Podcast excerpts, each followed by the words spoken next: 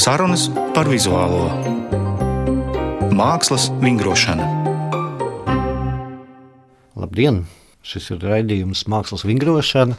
To vadīšu es, mākslas kritiķis Vilnis Vējš. Un mani viesi šodien ir mākslas kolekcionārs un mecenāts Jānis Zuzāns. Un runāsim par muzejā Zuzeumā skatāmo izstādi porcelāna dzīves ielūdzes Kuzņecovai Un otra mana viesņa ir šajā gadījumā skatītājas lomā, bet citos gadījumos pati ievērojama mākslinieca, gleznotāja Sandra Krastiņa, kas arī ir bijusi izstādē, izstāde redzējusi. Man jāsaka, izstādes iespējas ir ārkārtīgi iepriecinošas. Ir liela, plaša telpa, balta, daudz cilvēku, daudz mākslas priekšmetu. Tas viss tā kā zilbina mazliet, tad var iedziļināties un tāda pacelājoša atmosfēra, kas acīm redzot, arī ir tās dzīves un kas arī laikam ir porcelāna uzdevums iepriecināt cilvēkus. Pirmais jautājums Jānim ir bijušas jau uzdevumā vairākas tavas privātu kolekcijas izstādes. Kāpēc tagad pienāca laiks porcelānam? Nu, mums jau bija kādu gadu atpakaļ ieplānota šī izstāde. Un tā organiski turpināja Durbes pilī Covid laikā izstādīto mūsu porcelāna izstādi, kur tur ļoti labi tika apmeklēta. Mēs ar Martu Šustu un kolektīvu sapratām, ka šādu izstādi varētu rīkot arī Rīgā. Nu, tagad vienkārši pienāca tas plānotais laiks. Nu, izdarījām visu, kā vajag. Man liekas, mums arī ļoti labi sanāca. Mums ir brīnišķīga komanda. Toms Kampars, kā arhitekts, es domāju, viņš ir paveicis brīnums. Un arī mūsu puiši ir izdomājuši, kā pasniegt Man liekas, tā dinamika un tā interaktivitāte tajā izstādē ir tādā līmenī, ka cilvēkiem to patīk skatīties, un viņiem patīk arī taisīt šīs Instagram bildes. Es nepretendēju uz šo izstādi, ka tā būtu kaut kāda augstā māksla. Bet man šķiet, mēs esam sasnieguši to cilvēku, kuram vienkārši patīk skaistas lietas. Jā, un izrādās, ka mums ar Sandru arī patīk skaistas lietas. Sandra, varbūt pastāst, kāda tev bija iespaidi, ko tu gaidīji, ko tu saņēmi no šīs izstādes? Vispirms es gribu kā attaisnojumam, ka es šeit esmu uzaicināta uz sarunu, pateikt, ka man porcelāns interesē. Man porcelāns patīk, man interesē. Īpaši es interesējos par padomu laika Rīgas porcelānu. Un tad, kad es biju saņēmusi ielūgumu uz izstādi, es gāju uz atklāšanu tiešām ar patiesu interesi. Bet man interese arī bija tāds āķītis. Es domāju, kā to visu var eksponēt. Jo es saprotu, ka tur būs daudz mazu priekšmetu, dažādu, un kur likt visus tos ķobīšus un krūzītes.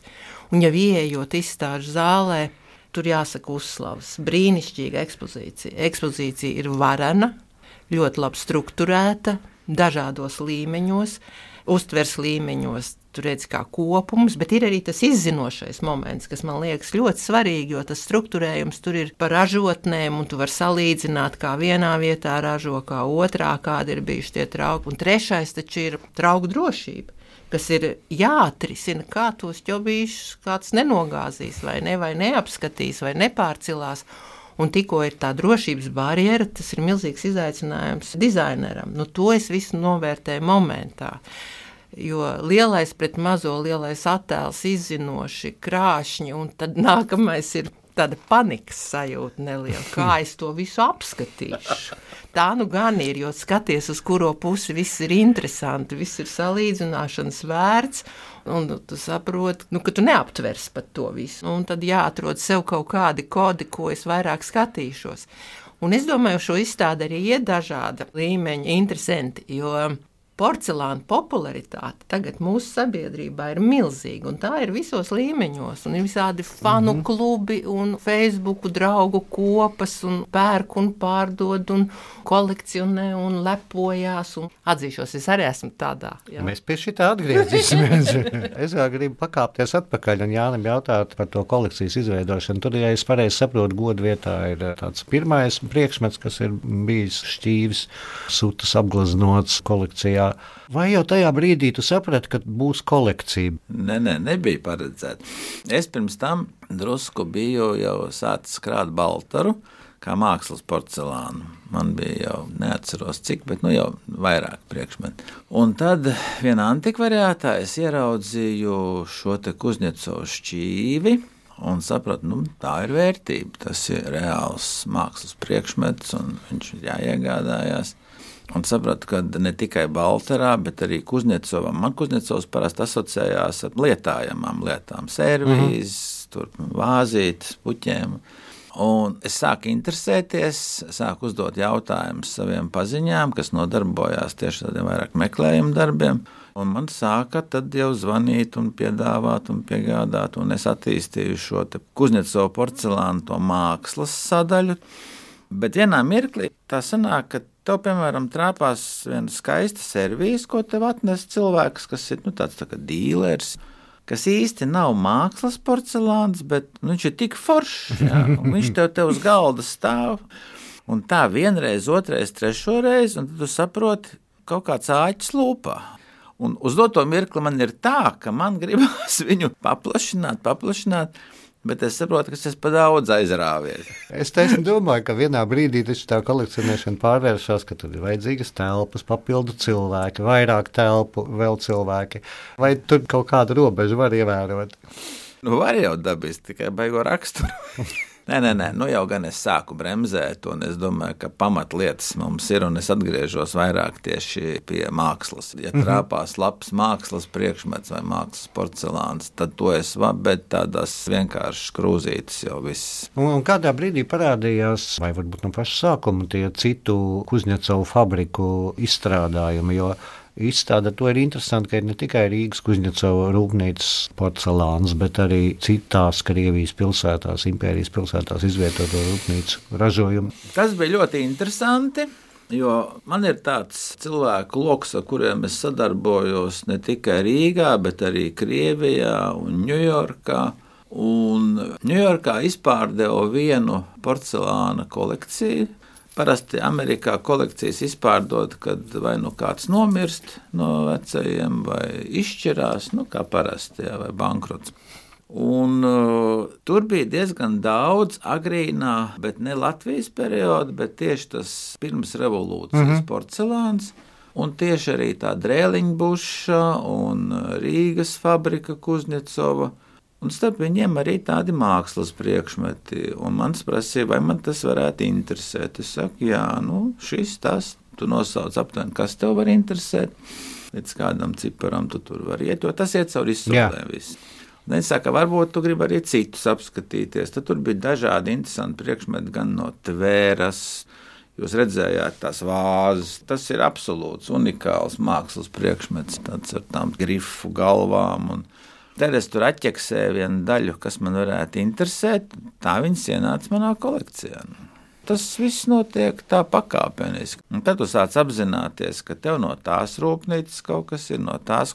Un beigās saprot, ka tā Kuzņecova impērija ir tik liela, tomēr 13 fabrikas, tur divi virzieni tevi sāk tas aizraut jau to kopējo bildi redzēt. Ja tev no katras kaut ko gribās. Tev gribās to agaškas teikanu, ja, un tad tev tur parādās arī viss tas komplekts, kas tev viņam nāk līdz mazā teikaniņa tam stiprumam. Nu, Tu sāc nolasīt to laiku, kāds viņš ir bijis. Tad ir traktieri teikani, tā lielā, ja tad ir mazāks mājas teikaniņas. Un tad droši vien arī pēc stila ir iespējams pateikt, kas ir Rīgā ražots, kas ir citās rūpnīcās. Uh, ir dažādi, jo viņas arī migrē. Bija mhm. tādas uh -huh. formas, kas pa visām rūpnīcām izgāja. Bija kas tikai kaut kur vienā vietā. Jā. Nu, piemēram, Tveres rūpnīca vai Duļevs, tās vienmēr bija drusku tā kā augstākā vērtējās citas vairāk strādāja uz tādu zemāku sabiedrisko mm -hmm. līmeni, vairāk lietojamo, ja viņiem tā mākslinieckā bija mazāk. Jā, ļoti interesanti, ka, protams, tā produkcija ir kādreiz tikusi ražota nu, pārsteidzošos daudzumos un tiešām dažādiem sabiedrības slāņiem. Un tu jau Jāni teici, ka mēs to esam paraduši saistīt ne tik daudz ar mākslu kā tādu sadzīves kultūru, Un redz, Sandra, tev arī interesē šī lieta, kas tā kā ir māksla, nav māksla, bet mēs pilnīgi saprotam, ka tā ir vērtība. Nu, mūs ar tevi vismaz droši vien audzināja mākslas skolās, ka visi šie daudzie dekori, rozītes, izskaistinājumi, no tā ieteica māksliniekiem turēties pa gabalu. Bet mums patīk tagad, vai tā ir? Es domāju, ka tā trauku būšana ir eh, plašāka un nopietnākā. Varbūt Jā. mēs tagad par to runājam. Tas ir tāds identitātes kods lielam sabiedrības slānim. Un padomu laikā šīs pirmskara Jesen Kuzņecovs, tās ģimenes, kam šie trauki bija, tās vismaz manā skatā, jo manā ģimenē tāda trauka nebija Bet, kad es to redzēju, man likās, kā bērnam jau likās, ka tas ir par tiem laikiem. Tas ir kaut kāda mm -hmm. bijušā laikmeta liecība. Es nerunāju pat par rocību vai par gaumi, bet laika liecību. Padomu laika trauki, un īpaši kāpēc man tas interesē, 60. gadi kā stils, cilvēki sāka dzīvot arī padomu laikā, tā kā sāk uzelpot. Mm -hmm un tie trauki, un tas nu, būs labāk, ienāca arī ikdienā, un tas to Jā. simbolizēja. Un tagad es domāju, un kad mēs varam nonākt tālāk, tagad mums vairs nav šī kopējā identitāte. Nu, mums nav Latvijā trauku ražotnes. Tātad mēs katru rītu brokastu šķīvja vēdam no svešiem traukiem. Un te es tādā feministiskā diskursā uz to un par tiem traukiem domāju, es domāju, katru rītu ģimenē noliek to apli uz galda vai nu baltu, vai krāšņu, vai zeltītu, vai nekas ir pilns ar ēdienu. Tas ir rituāls. Tas ir rituāls, kas nododas no ģimenes ģimenē un kas signalizē sabiedrības identitāti. Un tas nav mazsvarīgi.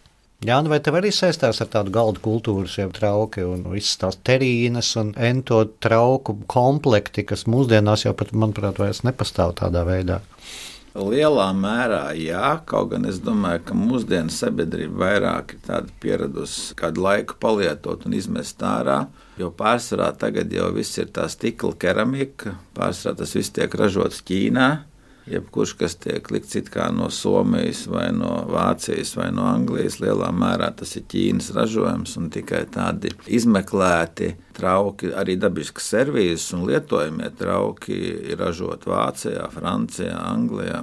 Nu, Latvijā, diemžēl, nekādas lielas ražotnes vairs nav. Ir tādas maziņas tikai, kas tur taisa kaut kādas porcelāna. Nelielas darbnīcas. Ir, ir darbnīciņas, jā. Bet Tā interesantākā lieta ir tas, ka es tomēr to keramiku saistu arī ar zināmu skaistuma izpausmi, ko sava laika meistari gribēja parādīt kā lielu varēšanu. Un pēc oktobra revolūcijas jau tomēr bija daudzi, kas viņas sita, lauza, plēsa. Tas bija tāds buržuāzis, kaut kādas paliekas, ka vajadzēja tur alumīnija krūzītes. Un tas, kas ir palicis lielā mērā, ir tomēr tiem cilvēkiem, kuriem bija tāds veselais saprāts un inteliģents, un otrs lielu daļu izveda cilvēki emigrējot. Ja? Tādā veidā tas arī saglabājas. Tāpēc arī ir šīs Amerikas izsoles, šīs Frančijas izsoles Anglijā. Nu, kaut kas kaut kur ir nosēdies. Tagad viņi parādās tik tādēļ, ka beidzot tā paudze, kurai tas bija svarīgi, ir aizgājusi un ir atnākusi vietā paudze, kas izmanto šo stikla keramiku. Bet labā ziņa ir tā, ka skatītāji ir daudz un ir arī jauni cilvēki.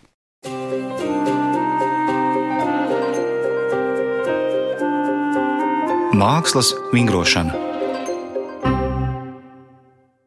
Es atgādināšu, ka mēs esam raidījumā Mākslas vingrošana. Kā parasti sarunājos ar diviem viesiem. Viens no tiem ir mākslas mecenāts un kolekcionārs Jānis Zuzāns kura vadītajā mākslas muzejā Zuzeum ir apskatām izstāde porcelāna dzīves ielūdzu Kuzņecova. Un otra mana viesiņa ir gleznotāja Sandra Krastiņa, arī reizēm izstāžu iekārtotāja. Un mēs apspriežam šo priekš manis visai pārsteidzošo porcelāna izstādi, kas pārsteidz gan ar apjomu, gan ar to formu un pieeja daudzveidību. Es, Sandra, dzirdēju, ka tu arī esot ar vienu kāju tajā kolekcionēšanas drudzī iekāpus.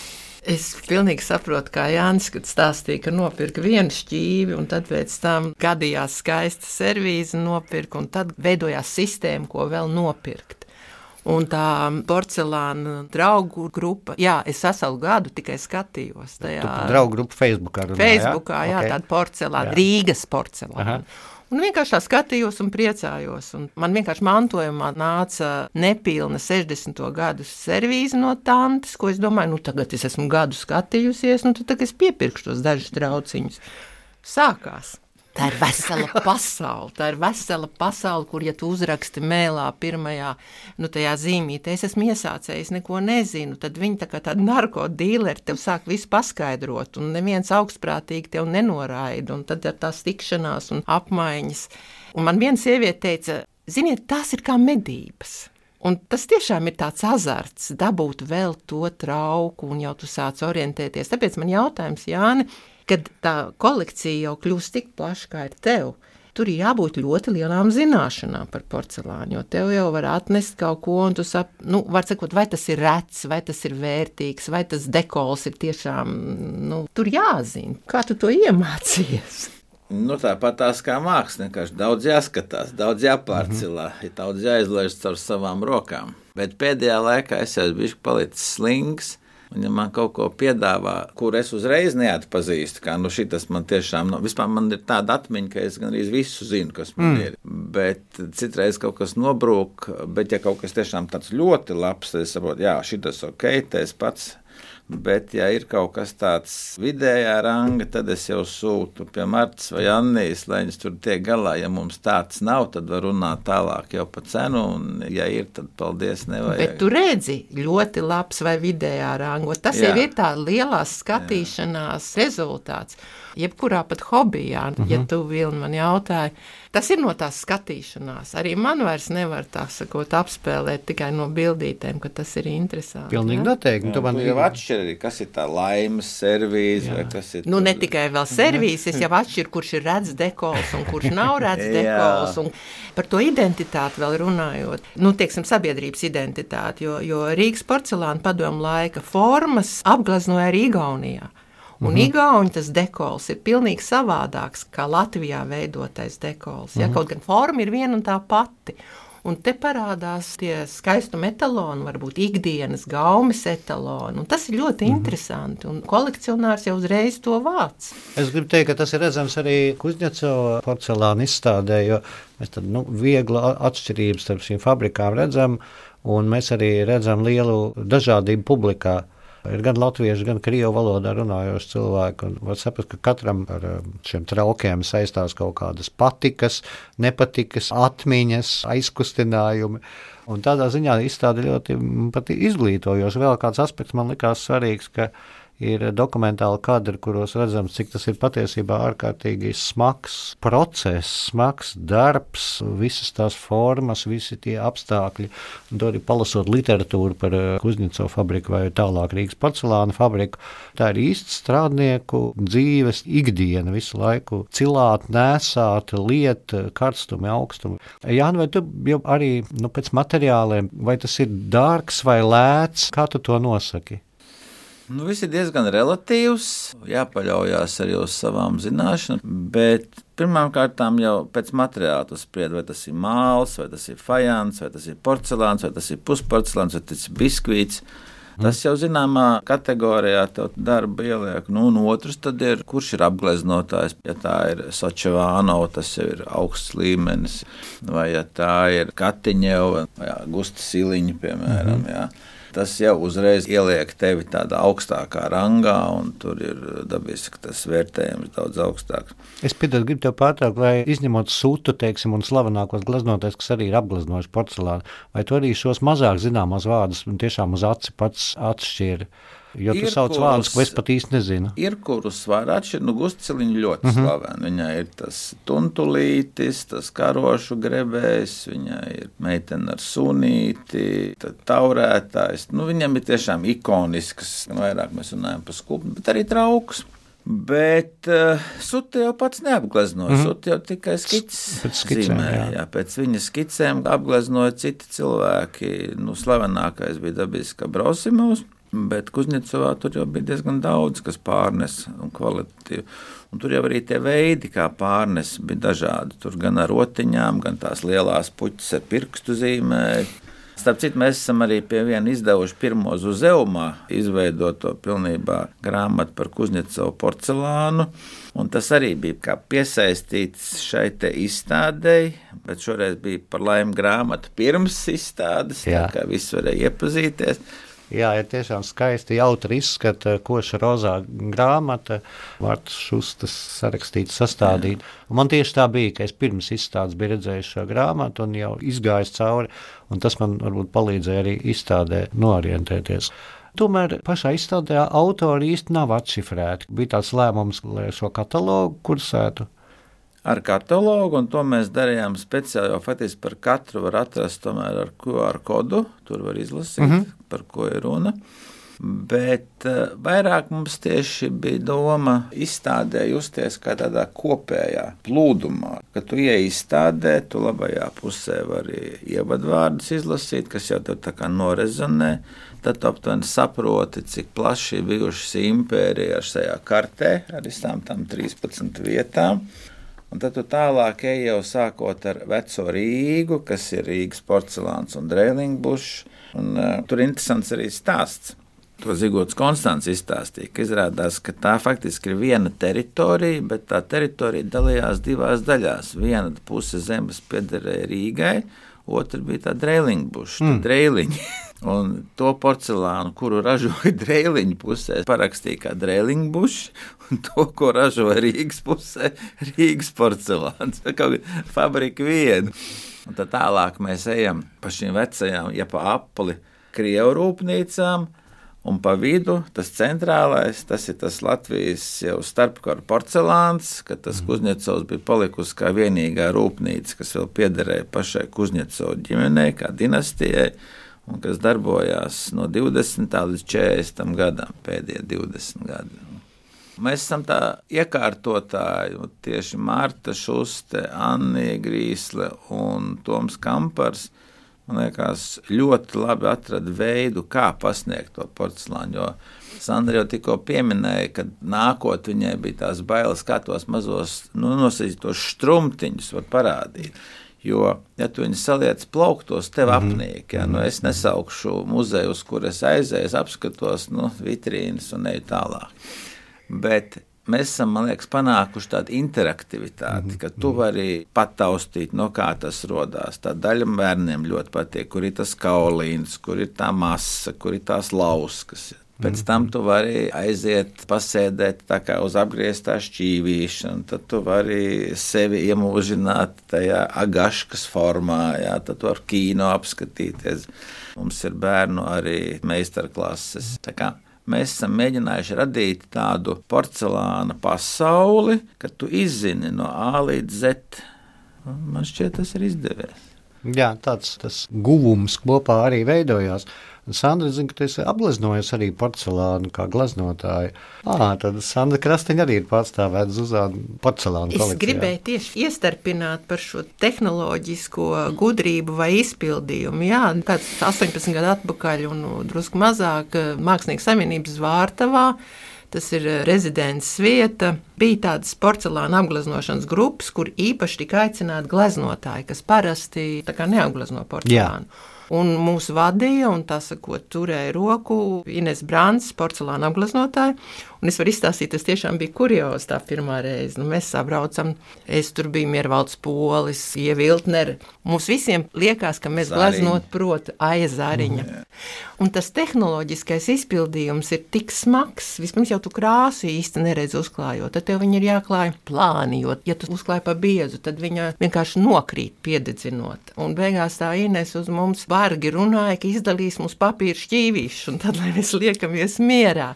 Tāpēc porcelāns ir tāda veselas milzu komandas un ražošanas rezultāts, kur radās šī vērtība. Gan dizainā, gan formā, gan porcelāna masas kvalitātē, gan izpildījumā, gan kur nu vēl ar roku tas gleznos. Un tas ir tas laika nospiedums, ko mēs varam sev uzlikt uz galda vai nu svētku reizē vai ikdienā.